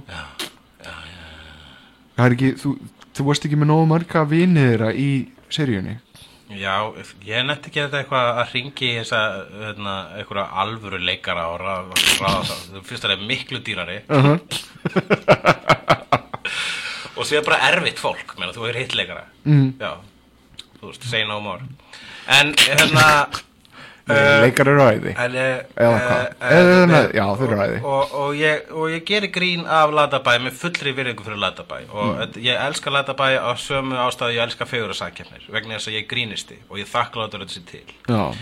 og hérna og uh, mér finnst uh, stórkoslegt að og algjörlega að Magnús Keving og félagar uh, og, og þetta batteri mjög mikið ætti að fá einhvers konar viðkenningu fyrir að hafa fyrsta leið byggt þetta reysastóra green screen stúdíó sem ég mætti í mm. og er ótrúlega flott og að hafa actually framlegt popkultúr fyrirbæri af þessari stærðagráðu á Íslandi mm. það á skilið eitt stórt gott slow clap Mér finnst það frekar en present sko en, og, og ég mun fara á Kardumabæin og Hálsarskóin og njóta þess og elska þau leikrit Já.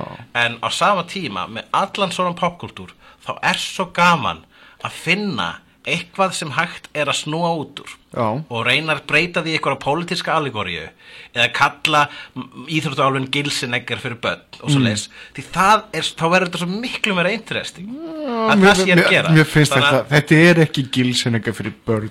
Pínu. Nei. Jó, pínu. Nei. Come on. Nei, Jó, ekki, come on. nei ég samtöku það ekki. Come on. Er- Já. Með okkar augum Herðu, ég er með eitt hérna uh, orð sem ég var að læra núna um daginn. Mér langar til þess að spyrja þig. Þú hefur ekkert þetta orð áður. Hvernig veistu það? ja, þú, jú, þú hefur heyrt það, ég hef nefnt það við þig en ég, þú hefur ekkert flettið upp eða, eða, eða komast að hver skilgreiningin á þig er. Það á við mjög, mjög held ég flest orð. Já, og mér langar svolítið til þess að vita hvað, hvað þú heldur að þetta orð þýði og, og, og þú getur útskýrt fyrir mér hvað orðið poptimismi. Poptimismi. Poptimismi? Já, þetta er eins og optimismi Nefna poptimismi? með poppi á undan. Ah. það er búið að blanda saman poppi og optimisma. poptimist ekki bara svolítið eins og ég? ég veit það ekki, útskýrðu það? það. Það er að segja að hérna að eh, eins og bara, þú veist hérna að bara að, að það að að þú veist all, all, ég finnst öll popmenning vera frábær. Mm. meira þess að popmenning sem ég fíla ekki ég er þakkláttur hans í til. Þess að poptimismi er það til dæmis að snoppa pínu niður á við. Ok, uh, að, að fíla hérna, að ég, ég til dæmis gæti aldrei hlusta á, ég get hlusta á mjög fá Justin Bieber lög, ég held að Baby Baby Baby sé eina lagi sem ég get hlusta á en ég er búin að reyna að hlusta á önnur og mér finnst þau öll vera algjört rusl. En á sama tíma þá er bara þakka í Guði reglulega fyrir að, uh, að Justin Bieber sé til. Og Ok. ég veit allavega að það eru til tvær stelpur á Íslandi sem gera það líka. Ég skildi ok, já. Viltu vita hvað það er? Já, Þetta er uh, ákveðin tegund af uh, kritisisma af, af, af, af því hvernig hlutir eru gaggrindir í tónlistaröðnaðinum og þá er verið að tala um það poptimismi er svo tegund af svona tónlistagaggrinni sem er orðin vinsal núna. Og það er það að, hérna, að hampa uh, pop-öktum og vera mjög jákvæðir í gang þeirra. En ekki tilbyggða gamla 70s rockið og, og, og alvarlega innan gæsa lappa listamenn. En er ekki, já, já, það er pín, það er pínu svolítið eins og ég var að segja. Mm. En hérna ekki langt frá því, mér finnst þetta svona óþægilega nálægt ef ég var fyrir að vonast þú, náðir að slaufin Justin Bieber og allt saman sko. Þú varst að vorast til ég myndi að fara meiri villigöndur Já, Það er finnar þegar ég gera það. Veit. En uh, ég uh, Já En ég það, er það- ég það er örugglega mikið til í því sko. Mér finnst að það er um uh, við- einmitt sko. Við ge- við- gjössar eins og ég segi við megum alveg gefa þessum uh, popstjórnum hrós vegna þess að það er ekki hæfileikalausar. Mm.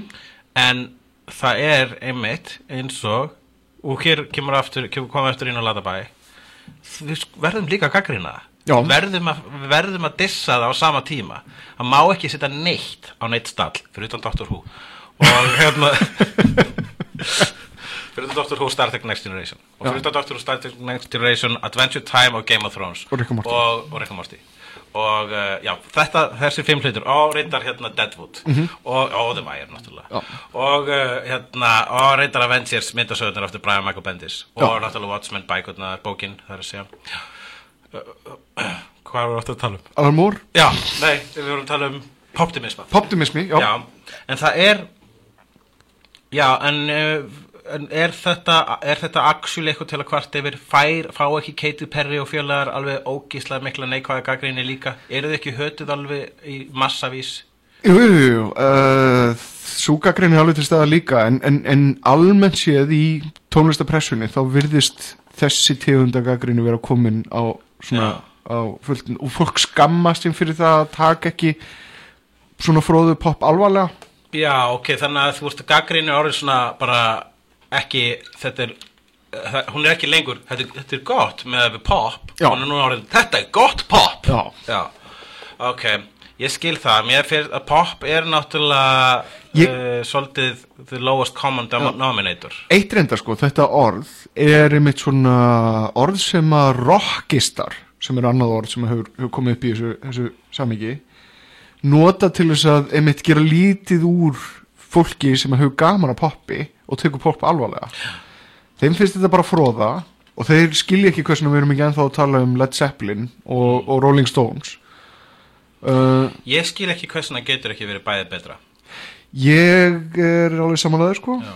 En ég skil eiginlega ekki nákvæmlega hvers vegna rockistar sætta sig ekki við það að pop er búið að vera það lengi í gangi að það er komið með þroska, það er komið á Er ákveðan það stað. komið með þroska samt? Já, okkur ekki? Nei, vegna þess að pop er alltaf þú veist, það er svolítið eh, ég myndi ekki segja botleðjan að það er svona popleðjan, Já. það er fróðan, fróðan það er ekki botleðjan, heldur fróðan Já, uppi, það er sko allir almennileg djúsin, þar sem er mesta sköpunin þar sem er frumlegasti uh, krafturinn, þar sem er nýsköpunin þar sem að actually er eitthvað að gerast. Það er hérna í miðjum pottunum þar sem suðu, suðu, suðupunkturinn er en fró, upp á fróðuna fer það upp á yfirborðið kemur það sem allir sjá sem er fróðan mm. og það sem einhverju hluta vegna flestir fíla vegna er bra, bræðlausast Já. það er ekki jafn biturt og jafn nýtt og, uh, og það sem er að gerast í suðupunktunum ég er að Já en hvers vegna kallar þetta fróðu? Ég meina þetta hefur alveg substans eins og hvað annað já, Það er, meina- fólk hefur alveg hlut að segja þótt að það sé að gera það í poplægi já, já, þannig að þú ert svolítið poptimisti. Ég er svolítið fyrir að hallast þangað sko. Ég, ja. ég, ég var endur að bara hugsa nú um daginn að 13 ára stelpur virðast vera besti mælikvarðin á góða tónlist going forward. Já, vegna þess að það er tónlistin sem að þau falla fyrir sem að verður klassíska tónlist. Beatlarnir, Rolling Stones Led Zeppelin. Uh, á akkurat núna þá er Taylor Swift orðin heitasti heit og það er þöks í 13 ára er Taylor er Led Zeppelin framþeirinn Já. Justin Bieber er, er, er, er líklegast til að fara að gefa frá sér einhverju snild hann er bara freka fýtt söngvari bara hann er mjög fyrir söngvari og góðu dansari en ég þarna lögin hans ekkert svo Uber- ka- catchy. Ha, Mér finnst lögin ekkert ekkert svo katsi í honum. Ég er miklu meiri Ef heldur við tökum hans kynsla þá er ég miklu meiri uh, Cyrus. Já, Miley Cyrus. Já, hún er heit. Já. Hérna, en ég get einmitt sagt þetta að e, talandi um bæði betra Mm. þá er ég hérna með hinn og þessa tónlist á iPhone-unum mínum og uh, til dæmis núna í gær þá hlustaði ég á heilar tvær plötur með Behemoth, eina plötu með Rotting Christ og aðra plötu með Carcass sem mm. er allt mjög har, mikill harðkjarni og, uh, og hérna fyrir mörgum sem að hlusta ekki á svona harðkjarna hljómar þetta bara eins og háaði og ógeð þetta er tónlistastefna sem ég tók í sátt bara frekar nýlega og, og er bara mjög hrifin af og, og er alveg svolítið glaður að ég sé byrja að fíla hana vegna þess að ég sannaði fyrir sjálfum mér að ég get actually byrja að fíla nýja hluti að þú veist, lært á ný leikfeng á á ég að fara yfir hvað ég er að hlusta Já, en ég ætla bara að segja á sama iPhone er ég með mjög mikið pop. Já, og meðal hans Miley Cyrus og ég hef aldrei sagt þetta uppátt ég er með Miley Cyrus lag sko, og hér er genuine guilty pleasure þetta er ekki Miley Cyrus eftir að hún var svona sexualized og cool ég er að tala um Hannah Montana Miley Cyrus ertu með hana? Já, ég er með sko lag sem heitir See You Again Já. ekki viska lífa lagið þarna sem fjallar um Paul, Paul hérna, Walker heldur uh, heldur lag, bara svona Hannah Montana lag sem að ég set sko á, á mjög oft áður en ég er að fara í uppistand þannig að peppa mig upp. Já, og ég set á sko lúpu þannig hlusta á svona tvís og þrýstar röð þannig að það er óstutt vegna þetta er barnalag sko, basically. En þetta sækar þau Þetta sækja mig upp. Og ég bara er rosa þakklátur að sko ég er uh, ég veit að örugglega margir myndu gaggrinu mitt tónlistir eira, sérstaklega þeir sem hafa eitthvað alveg vita tónlist sem ég hef ekki. Mm. en ég er bara mjög þakklátur að mitt tónlistir eira getur bæði tuggið, gummityggjó og síðan uh, beiskan að, mér finnst ég að skildi nefna þetta vegna þess að uh, ég er að vinna gæja sem er að, að, að við erum að skrifa handrit núna um mjög sterkan og skemmtilegan hvern karakter sem á að vera vitti og fjörur og, og, og svolítið harður. Hann átti erfitt með að tengja við karakterin í skrifum.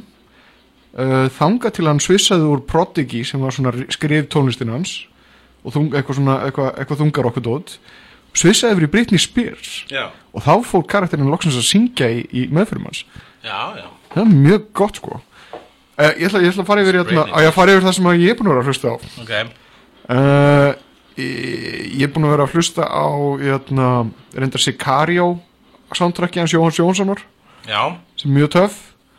Uh, síðan er ég búin að vera alveg forfallin fyrir 1989 Ryan Adams endurútgáðinu af, af Taylor Swift. Sem ég er bara þrjusu góð. Og síðan er ég með hérna síðan er ég með hérna uh, Honeymoon með Lana Del Rey Já, þetta er ég, hérna, þessi Ryan Adams uh, co- coverplata, Taylor Swift coverplata uh er það ekki eitthvað svona culmination of poptimisma? ég held það, jú. Já, ég held að það myndi vera alveg bara kjarna pop, Ryan poppinismi Adams, síðan eru örugglega margir sko, tónlistanörda sem bara eru að segja eru að segja Ryan Adams í edgy. Sem hann er ekki, kannski er Ryan Adams bara, hann er alveg Taylor Swift líka. Hann gerir umverulega bara það sem hann sýnist. Þannig svona Nashville-gaur sem er bara Já, ok. fokkar í sétti en hérna, já, hann tekur sem sagt alla 1989 plötu Taylor Swift hver, hvert einasta lag og býr til svona sin eigin lástemdu útgáfu af því. Hljómar svona conceptually eins og solid listaverk sko. Mm. og e, þetta er bara góð plata. Enda var 1989 með Taylor Swift ógæslega góð fyrir, fyrir breytinguna. Já, já, fyrir breytinguna, hvað við. Já, fyrir breytinguna sem hann, hann, hann, hann gerði á lögum. Já, já, ég skil, ég skil. Annars er ég mest búin að hlusta Alabama Shakes mér finnst það gott stöf Já, ég veit ekki hvað það er Já. Ég er svolítið í einhverjum svona, hérna, og, og kannski að fíla mjög margar hluti, bæði myndasögur og kvikmyndir og sjóarp, að- ég er svolítið í öfgum. Ég verið að annarkvort að sé rosa lástemt eða alveg insane. tjekkaðu þá hérna á Myrkur Myrkur. já, Það er hvað væntulega einhver íslenskur harkjarni eða nei, dönsk þungarokkspía solo project, Ok, platan M nýkomin út, tekka Brilliant. því. Takk. Það fara í best og vest. best of best Best og vest. Ég ætla að koma hérna með uh, þetta er þessi, þessi komum þrjá leikstjóra þessi leikstjóra eru allir, allir uh, hluti af einni spurningu í uh, yfirhepslinu okkar þegar ég sagði þegar yfirhepslan spyr Hitchcock, Scorsese eða Spielberg Mhm. Hvað er best og vest Hit, Hitchcock? best of best Hitchcock. Hmm. Best svo sem ég hef hort oftast á og þykir alltaf að væntum uh, Rear Window. Uh, verst það var eitthvað something about Harry eða eitthvað slis Vá hvað ég held að ég sé að, na, ég næstu því 100%, sko Rear Window er eiginlega það er ekki alveg uppáhald Hitchcock myndin mín Já. en hún er þú alveg hefur sagt Vertigo eitthvað Já, tíma ég held að Vertigo, ég held að að fátt muni fleia henni út af nema hugsla Birds á góðum degi Já. en The Trouble with Harry er uh, leiðilegasta Hitchcock mynd sem ég hef séð Mhm. ég, er ekki hann síðasta mynd líka Jú, hún er svolítið, þreyttur þegar svanasöngur verður slæmur það er það er alltaf pínu sorglegt Já. eins og síðasta myndinans Raúl Julia sem að leika hérna Adams, pappan í Adams fjölskyldinni Ok, síðasta myndin hans var Street Fighter með Jean-Claude Van Damme. Býtu við Er að tjekka á því hvenær hann kemur út. Uh, The Trouble with Harry er reyndar 1955 Já, já, og hún kemur á undan Vertigo. Ó Getum við klift þannan miskilning út? ég heldur enda maður er family plot Var ég að hugsa um hana? það gæti verið að vera að hugsa um hana Hver leki henni? Æ, fuck it, ég eh, hef ekki séð Family Plot ég trob, ég, þannig að það hlýtur að vera Trouble Trouble Harry, Já. hún er leiðileg Ok, Scorsese, best og vest um,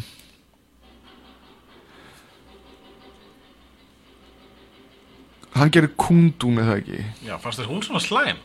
ég bara einhvern veginn Hún náttúrulega ekki leg. við hana. Já, það er líka alltaf eitthvað við það þegar sko eitthvað gerist í, þú veist gerist í eh, eh, landið þar sem að fólk tala ekki ensku og allir tala ensku. Já, það er alltaf svona hálf fyllin í herbygginu sko þegar maður eru að horfa það. Bara, Good, uh, ok, Goodfellas er alltaf best og jötna, en mér finnst til að mynda sko King of Comedy er mín best sko ó, hún er frábær. Það er mun alltaf vera mín, snilld. be mín besta Scorsese.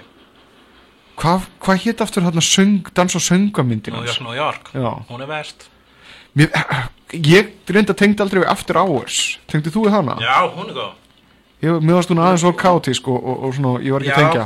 Já, efla sá hlut af henni á hótel ekkert fyrir svo lengur síðan og ég verði eiginlega að fara að tjekka á henni allir í aftur hún er mjög hún er bara svolítið sniðug sko. Já Ég, ég þarf reyndar líka að horfa aftur á Shutter Island vegna þess að ég tengdi ekki hana. Ég er ekki búin að sjá hana og hverjum deginum þá ekst kvíðin minn um að ég einhverjum muni spoila henni fyrir mig vegna þess að hún er vist alveg spoilerific. Já, Ég Hún á er það. eftir að sjá Shutter Island og ég verð að sjá hana eins fljóttu ég get en ég held ég sé búin að gíska á hvað tvistið í henni er.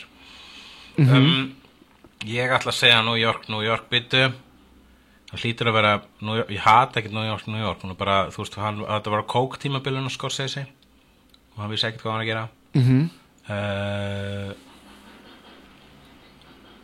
Age of Innocence uh, ekkert aðeinslega en ég sá hana þegar ég, var að vonast til að sjá meira ofbeldi í Scorsese mynd. Og var ekki tilbúin fyrir svona. En King of Com- Comedy definitely best og eins og er verð ég bara að segja New York, New York verst. Já. Og hvað er það næsti? næsti er Spielberg. Du, du, du, du, du. Það er erfitt að gera verst. Erfitt, Já, Hook til dæmis? Finnst húk skemmtileg. Já, hún er ekki er hún, Ég átti hana á Vaffa S og ég horfði á hana bara frekar reglur og bara leið frekar vel með það, finnst hún bara Já. góð. Ok Ég hef náttúrulega ekki séð hana fyrir fullorðið maður en, jötna, en, en Ég sá hana sem basically krakk, ég sá hana í bíó Já.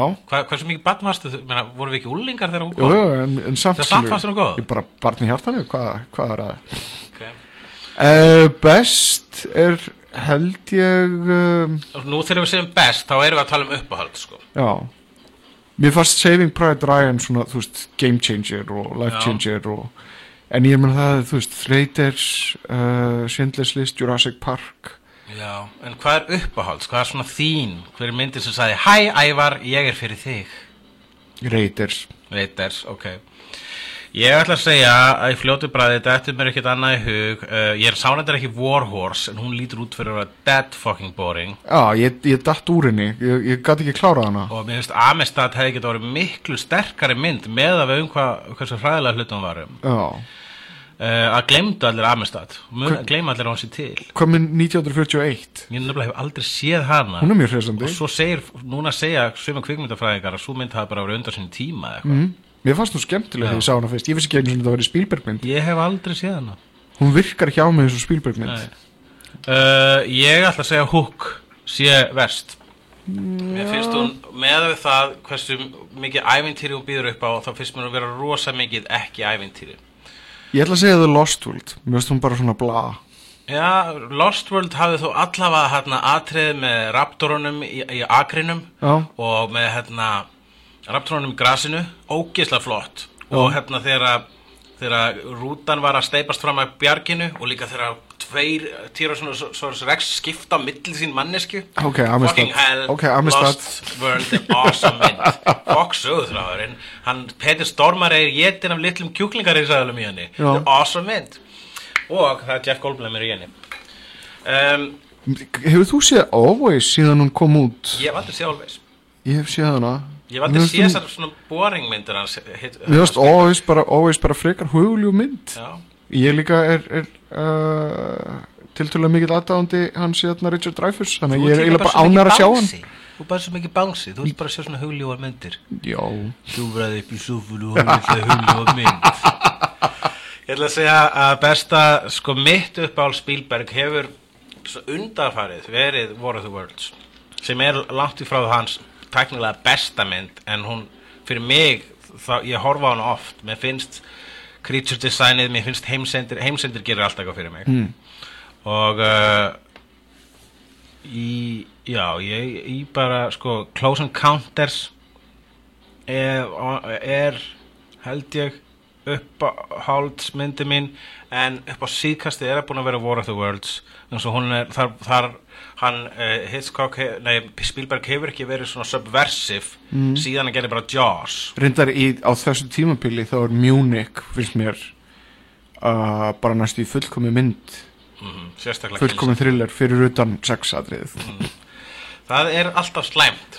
Ef Ég hef ekki séð maður ef við getum sagt eitthvað um þetta um bíómynd hún er alveg frábær fyrir utan kynlýsat en það er hægt að þú veist, það var auðvelt að segja Indiana Jones and the Crystal of the Kingdom Skull væri, væri ve- versta myndin hans. Mér, mér finnst hún ekki nógu leðileg mér finnst atrið með maurana og mér finnst atrið með ískapunum mjög skemmtilegt. Já, um, þetta er samt svona versta myndina Versta- þetta er, er, er Versta lélegasta Indiana Jones myndin hans. Já. Nei, lélegasta myndin er Terminal. Akkur er törminar vegna þess að sko, Tom Hanks var góður í henni. Ok. hann var mjög góður sem uh, ykkur skona slamneskur maður frá ímyndari slamneskri þjóð sem fastur á flugvelli. Nema að Spielberg byggði eftirlíkingu á alvöru terminali Ok, byggði risastórt sett ógisla dýrt og risastórt sett með búðum og kaffihúsum og, og, hérna, og salernum og öllu mögulegu sem er einu og einu svona risastóksnu airport terminali. Já bara til að gera þessa sögu bara til að gera eitthvað, svona sögu sem var eitthvað svona eitthvað romantísk saga af hvernig ljúfur maður breytir lífi starfsfólksins á flugvelli og bæði vegi, hefur séð þessa mynd? Já, ég hef séð þessa mynd, en mér fannst hún bara, mér fannst hún bara hugljúf og falleg. fyrir ekki að ég ætla ekki að þetta átti ekki að leðlur ég veit, þú Ég, sko málega er að ef að valið stendur á milli Terminal og Indiana Jones and the Kingdom of the Crystal Skulls, já, þá, að horfa á þá finnst mér Kingdom of the Crystal Skulls myndin sem ég myndi ekki horfa aftur. myndur ekki vilja að- sjá hana í kvöld til dæmis? Nei, myndur frekar vilja sjá Terminal? Já. það er eitt atriði. Ég held samt að ég ætla frekar að horfa á tinna eða eitthvað. Jesus Christ. T- Já, Tinni var, tinni var flott mynd en það leðilega við hana var að hún var eiginlega ekkert eins og Tinni. Nei, hún var ekki tinna mynd, sérstaklega. en uh, hérna sko uh, það var aðna atrið þar sem að sko það er einhver sem vinnur á flugvellinum sem er skotin í annar stelpu sem er vinnur á flugvellinum og Tom Hanks kemur svona "Hmm, why don't you uh, talk to her og svo í næsti atrið eru þau að giftast og hlaupa um á flugvellinum eins og þau hefur gifst á flugvellinum Mm. Þetta er ógíslega leim atrið Hvað er, akkur, akkur giftastu ekki í kirkju eða hjá, þú veist, fókita? Já, vildu þið ekki láta hann vita af því að þetta hefði gengið vel Það er og... bara svo að atrið getur gest á Það sem er- það sem er- setti Nei, það sem er fallegt- byggði að algjörlega ástæðuleysu Nei. Hann þetta bara gert vegna sem hann gat það Það sem er fallegt er það hvernig hann sóun. teiknar upp hvernig ein- einn svona terminal getur verið heill heimur út af fyrir Já, sig en þú ætlar að byggja fucking heila leikmynd þar sem að er heilt, flug, veist, heilt terminal settu þá fucking terrorista eða risaðlur eða eitthvað sem gerist þannig inn, annað en að það eru litrikir karakterar að spila póker baksviðs. Það er alltaf að vera hasar. Nei, ef þú ætlar að gera mynd sem er þannig þá skaltu bara taka það inn á actual terminali ekki bara, sjáðu hvað ég get gert því að ég er Spielberg, ég ætla að byggja risasett fyrir mynd sem er eiginlega ekki um neitt. Já, en ég meina, er þetta, er þetta, er þetta það sem að þú helst yfir að kvartum þegar hann hafi byggt þetta terminal? Hei, það eru mannættu maurar í kristalskól Ógnar fjör má alltaf sjá Í Reykjavík. Á landinu um loftin blá líka á sænum. Hættur og háski Látur og gáski Hefnendur Í Reykjavík. Hefnendur Í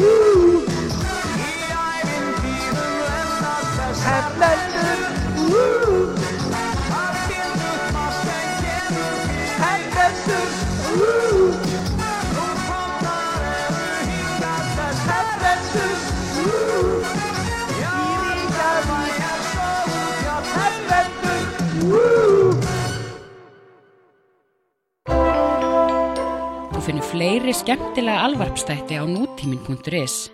Takk fyrir að hlusta.